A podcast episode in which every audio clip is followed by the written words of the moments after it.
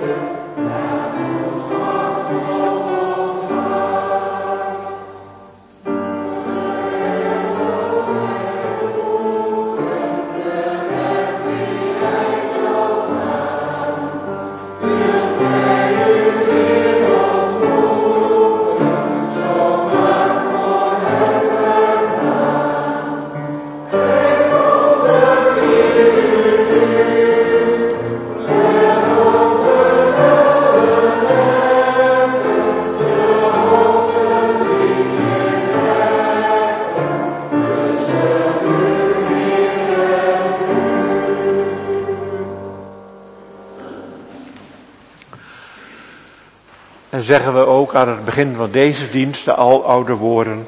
Onze hulp komt van de ene, die was en die is en die komt. Verheug je in de Heer. Is nabij. Amen. Bidden we nu ons drempelgebed zingend.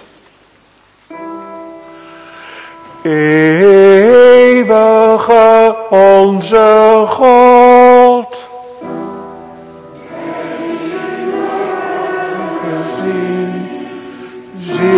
Ons hier aan.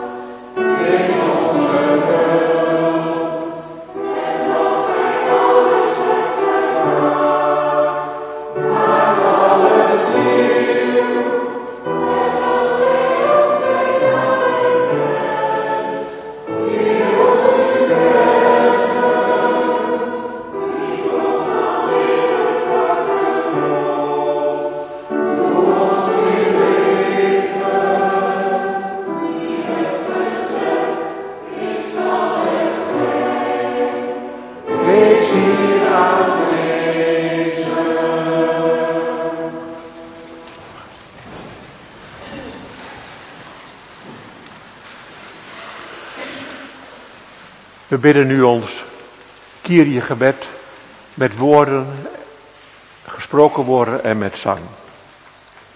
Laten we bidden.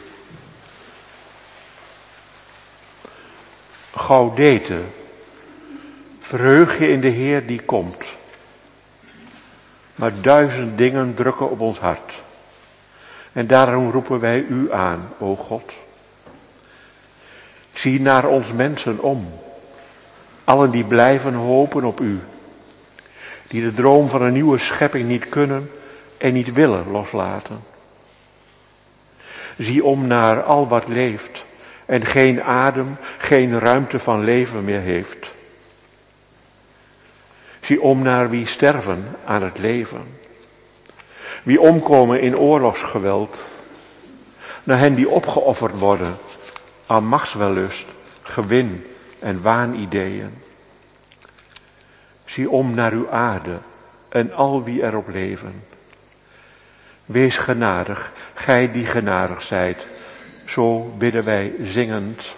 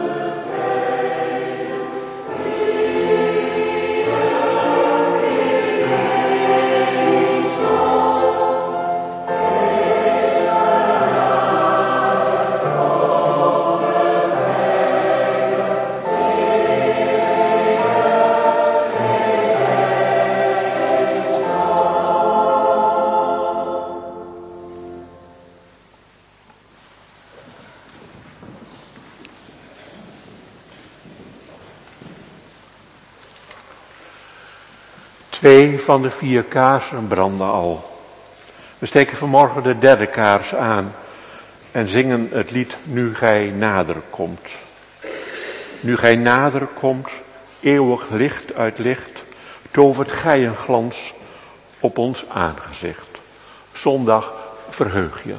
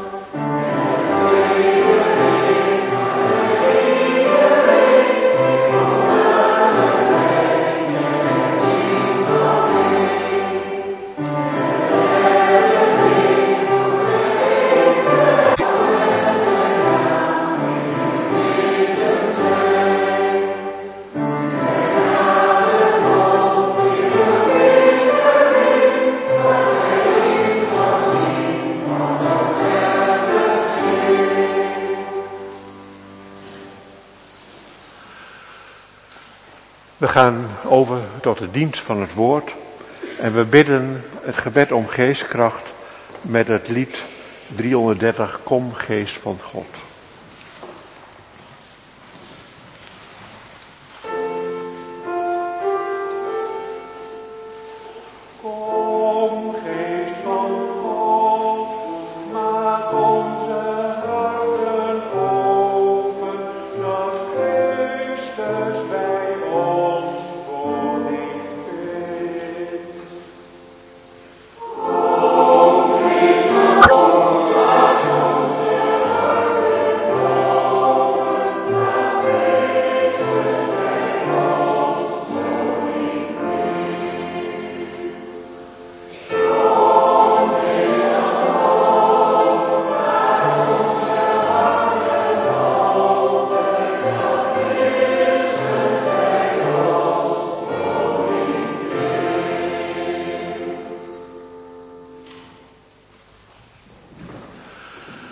Eerste lezing vanmorgen is uit Jezaja en Riek van Dijk zal dat lezen.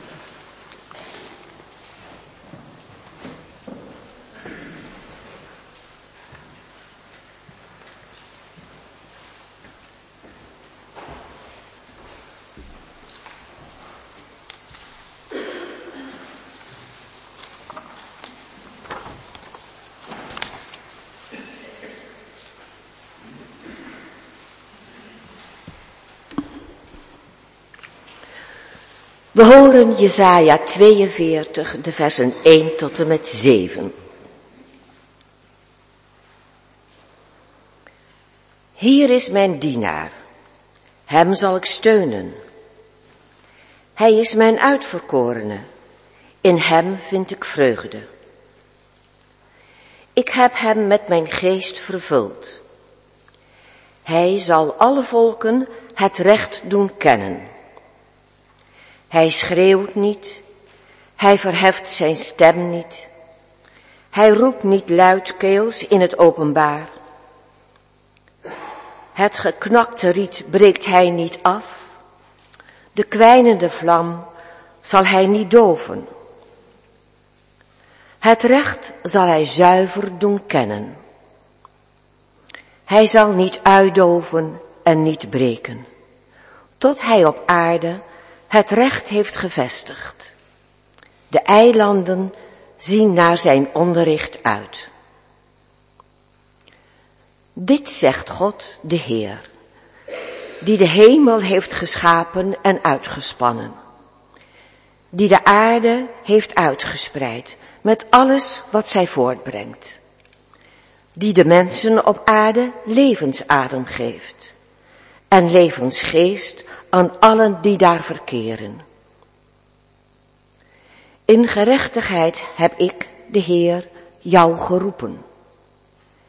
Ik zal je bij de hand nemen en je behoeden. Ik neem je in dienst in mijn verbond met het volk. en maak je tot een licht voor alle volken.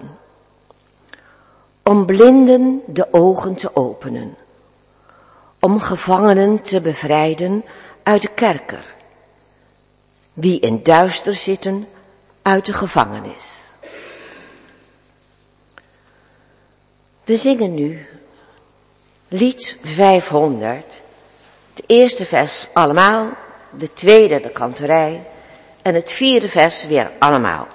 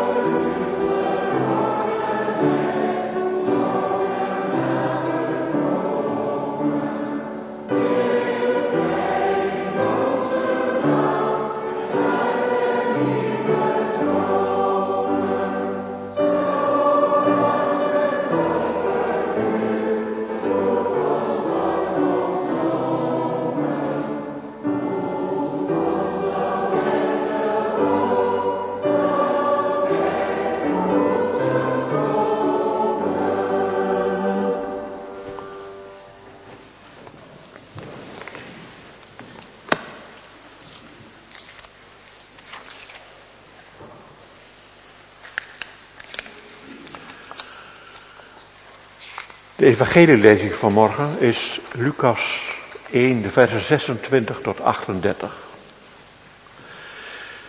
In de zesde maand zond God de engel Gabriel naar de stad Nazareth in Galilea.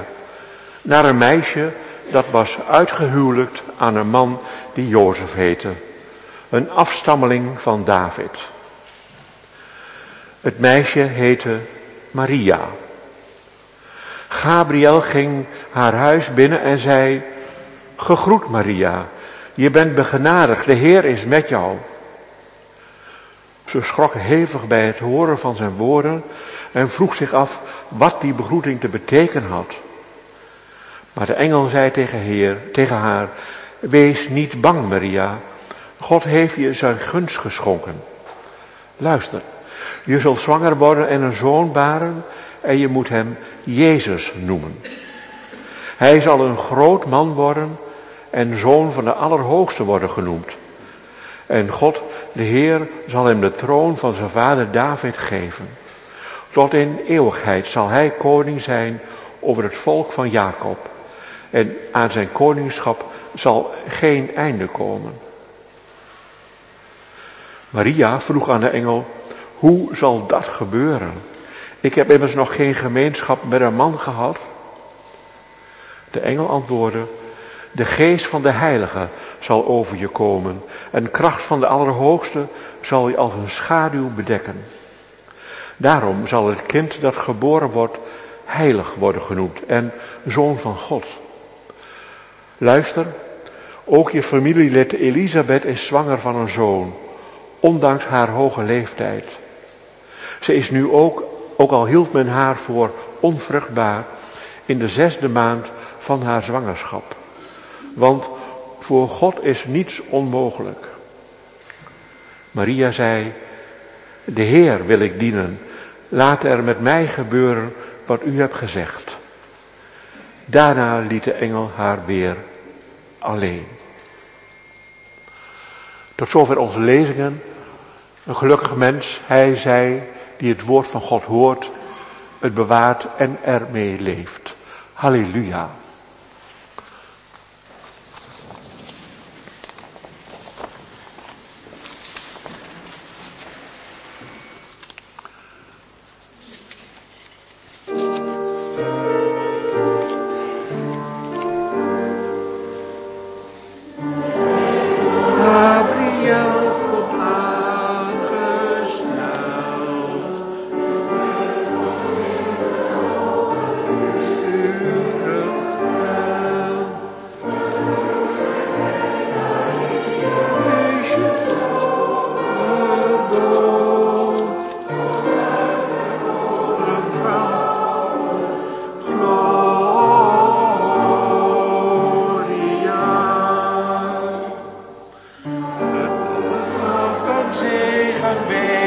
감사합니다.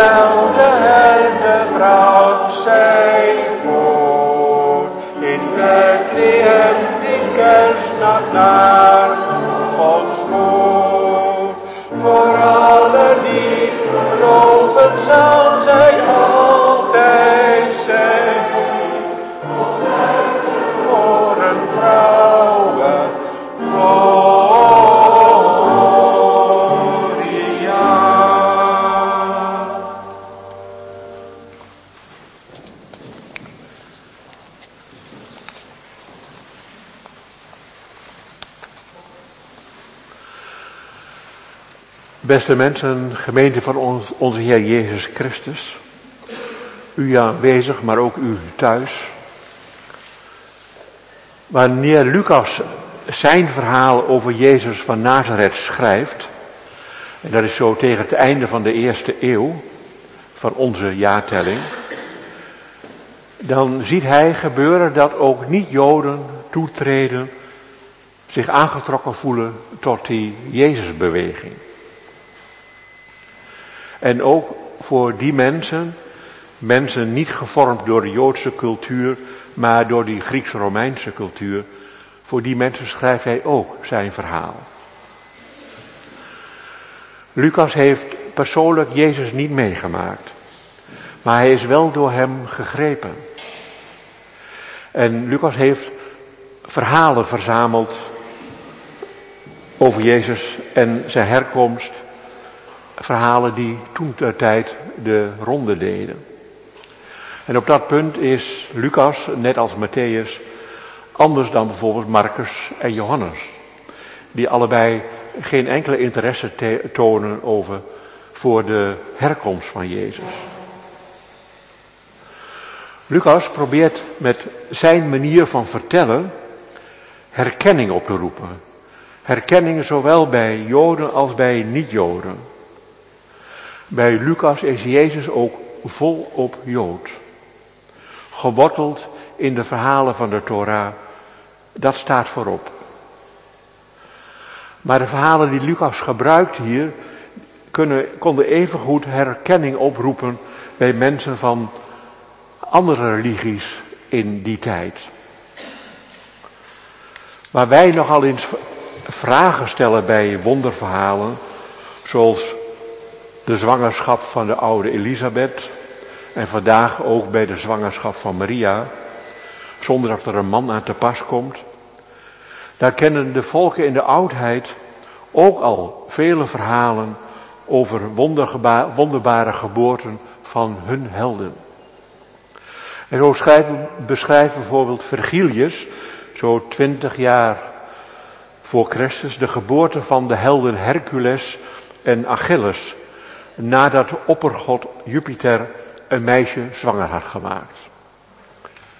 En ook van Plato en van de Boeddha en van Zarathustra gaan verhalen dat zij uit de maagd geboren zouden zijn. Dus ook herkenningspunten voor niet-Joden in die tijd.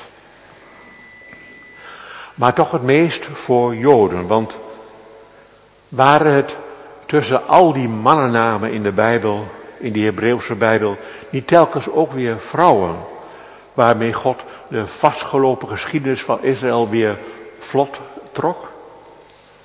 Onvruchtbare vrouwen, zoals Sarah en Elisabeth. Vreemde vrouwen, zoals Rut. Foute vrouwen, zoals prostituee Rahab. Misbruikte vrouwen, zoals Tamar. Die verhalen kenden Joodse mensen. En daar probeert Lucas met zijn geboorteverhaal over Jezus bij aan te sluiten. Lucas vertelt zijn verhaal over Jezus achterwaarts. Dat wil zeggen niet als een historisch verhaal van geboorte tot zijn dood, maar een verhaal dat aansluit bij zijn visie op en zijn ervaring met de persoon en de betekenis van Jezus van Nazareth. Hij schetst daarom in de lezingen van vanmorgen Maria als de moeder van de mens die later door zijn volgelingen met goddelijke titels bekleed zal worden. Verlosser wordt hij straks genoemd, zoon van God, Messias, heiland enzovoort. Als een profeet die een aardje naar zijn vaartje heeft. Als een die ook bedreigend overkwam. Bedreigend voor de militaire en de religieuze machthebbers. Met heel zijn keuze voor de kwetsbaren en met zijn ontwapenende liefde. Een profeet die ook door mensen, net als zijn voorgangers, niet begrepen werd. Tegengewerkt, uit de weg geruimd. Maar later door zijn volgelingen als de opgewekte werd ervaren. Een mens die tot op de dag van, tot op de dag van vandaag ook ons inspireert. En zo is in de christelijke traditie de annunciatie gaan heten. Wat, wat annunciatie is gaan heten, een in Lucas tijd herkenbare mythe. Voor allerlei soorten mensen dus, voor Jood en voor Heiden. Een verhaal waarmee hij ook zijn niet-Joodse lezers, dus eigenlijk ook ons, duidelijk wil maken dat zijn hoofdpersoon, Jezus, er één van God is. Geworteld in en opgekomen uit die oeroude Joodse hoop. Hoop op een redder, een redder uit het huis van David. Die ontmoeting van Maria met de engel is misschien wel het meest afgebeelde van alle Bijbelverhalen. Google straks thuis zelf maar eens op het woord annunciatie. En je zult versteld staan hoe verschillend dit verhaal ook verbeeld wordt. Van Michelangelo tot Ruud Bartlema. Van Leonardo da Vinci tot Waterhouse. Van Rembrandt tot Frans Franciscus, waarvan u de afbeelding op de liturgie vindt. Van heel traditioneel tot heel eigentijds. Van ingetogen en lieflijk tot uitbundig. Misschien is het toch wel zinvol om nog even iets te vertellen over de context, de maatschappelijke en politieke situatie waarin Lucas dit verhaal laat spelen. Want dan zien we misschien beter het contrast tussen het verhaal en de werkelijkheid van toen. Tegen welke donkere achtergrond Lucas 1 en 2 spelen. Allereerst, het is niet zonder reden dat Lucas zijn verhalen, zijn boekje over Jezus, laat beginnen met het noemen van de naam van één bepaald persoon. Nog voordat alle andere namen, zoals van de priester Zacharias en zijn vrouw Elisabeth genoemd worden, en vandaag de namen van Jozef en Maria, klinkt daar één andere naam. Herodes. Herodes de heerser in die tijd. Toen Herodes koning was van Judea. Daarmee begint Lucas zijn vertelling. En dat zet de toon. Wie was hij, die Herodes? Herodes was een Edomiet. Geen Jood dus. Zeg maar een nakomeling van Esau, de tweelingbroer van Jacob. Zetbaas van de keizer in Rome is deze Herodes. Dus een soort seis inkwart. Herodes verfraait weliswaar de tempel in Jeruzalem en hij brengt economische welvaart. En daarom zal hij ook bij veel mensen ook wel geliefd zijn geweest. Maar Herodes is ook een bange man. En net als een bange hond is een bange man levensgevaarlijk. Een paranoïde man is Herodes, altijd op zijn hoede. Altijd bang om zijn positie te verliezen. Joodse protesten tegen zijn bewind, hij slaat ze altijd bloedig neer. Altijd bang voor concurrenten ook, die hem van de troon zullen willen stoten. Zo erg zelfs dat hij zijn eigen zonen daarom vermoordt.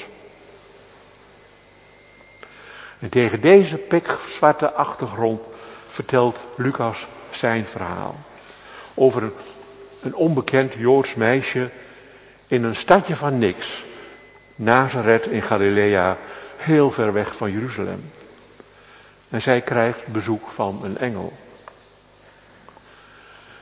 In de christelijke kunst zijn engelen natuurlijk zijn heel vaak afgebeeld als klapwiekende wezens die zich bewegen tussen God en de mensen. Maar bijbels gesproken zijn engelen gewoon bodes. Zij zijn de stem van God in levende lijven. Waar mensen in de Bijbel iets ervaren van, als een stem van God, van hogerhand, dan gebruiken zij dat woord in de Bijbel engel. Ook al als er helemaal niets gezegd wordt over de verschijningsvorm.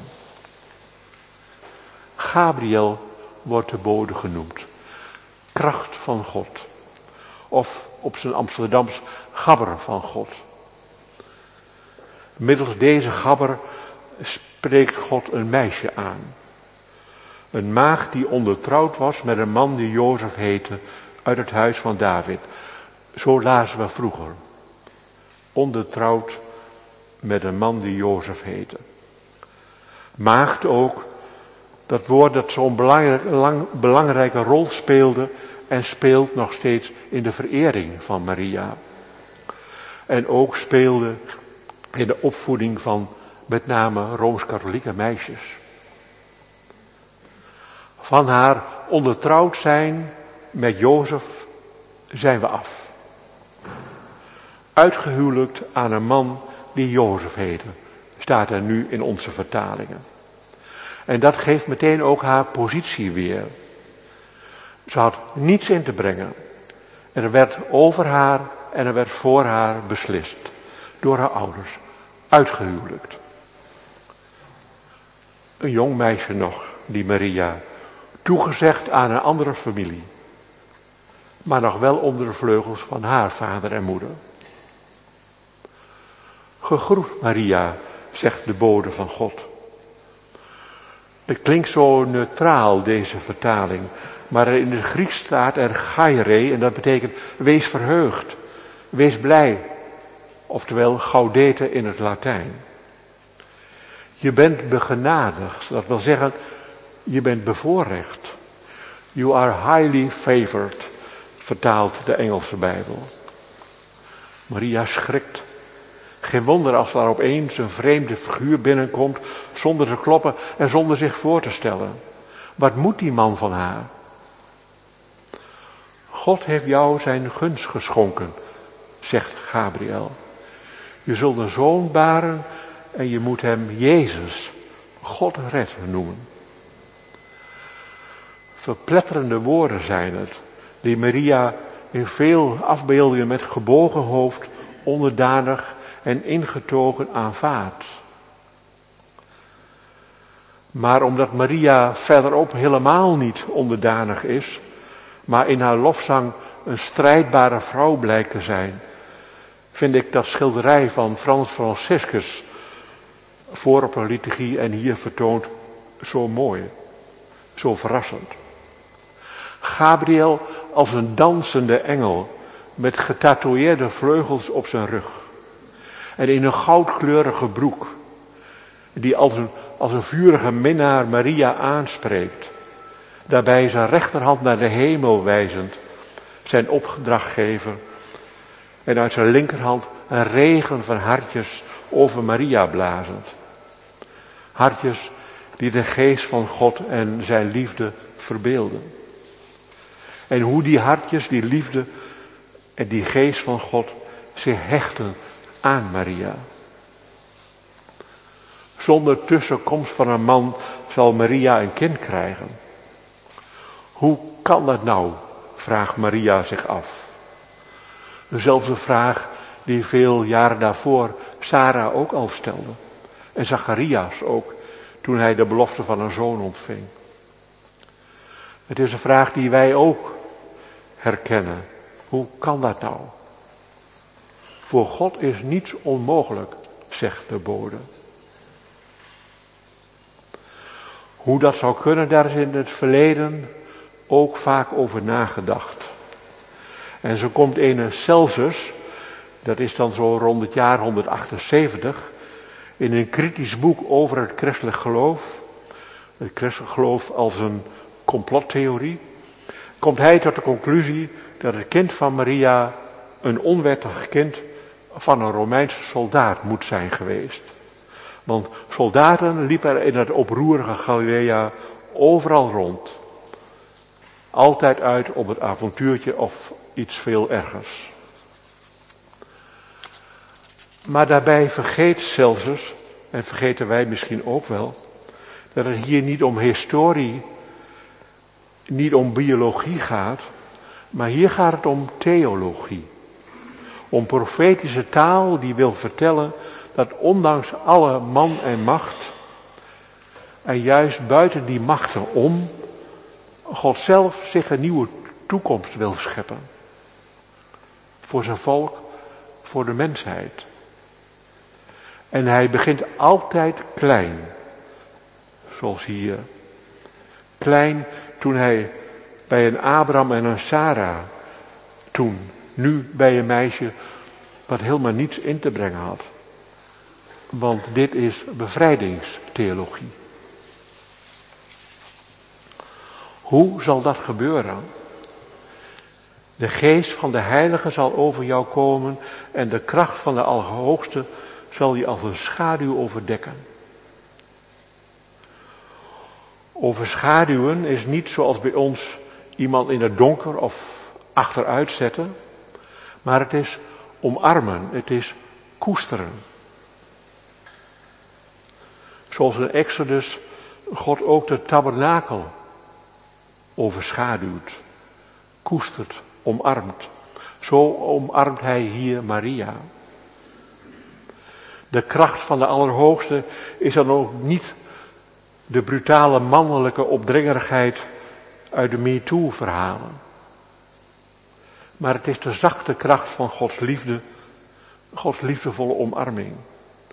God die laat weten, jij, jij mag er zijn. Met jou en met jouw kind bouw ik een nieuwe toekomst. Hoe Maria in verwachting raakte, ik zei het al, er is heel veel over gespeculeerd. Jozef was het niet, vertellen Lucas en Matthäus ons. Een mooie suggestie deed kerkvader Johannes van Damascus zo rond het jaar 700. Volgens hem vond de conceptie plaats via het oor. En dat lijkt ook Frans Franciscus met zijn schilderij te suggereren. Een hartje die, dat recht op Maria's oor afkomt. Want wie zich inlaat met die verhalen over God en mensen, en daarom houdt Maria ook in haar ene hand een boek vast. Wie zich met die verhalen inlaat, die begeeft zich vanuit een soms barre werkelijkheid in een ruimte. Een ruimte vol beloften. Beloften, Gods beloften, worden met het oor gehoord. En kunnen vervolgens de weg naar het hart en naar onze handen vinden. Ook bij ons. Ook nu wij ons in deze adventstijd in die ruimte begeven. Waar een woord van God gehoord wordt en in geloof aanvaard wordt, daar gebeurt iets met een mens en tussen mensen. De Heer wil ik dienen, is het antwoord van Maria. Laat er mij gebeuren wat u hebt gezegd. Het is geen onderwerping aan het hogere. Het is niet het aanvaarden van een lot. Nee, het is aanvaarden van een gave, van een opdracht. Maria wil niet op een voetstuk gezet worden, aanbeden en bewonderd.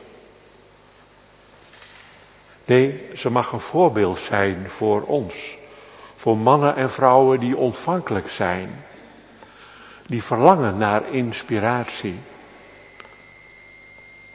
Een voorbeeld voor mensen die de hoop en het vertrouwen op God niet willen opgeven. Tegen alle harde feiten in. Mensen die, om met Rabijn Soeterdorp te spreken, zich blijven vastklampen aan het drijfhout van de hoop. Mensen als u en ik. Amen.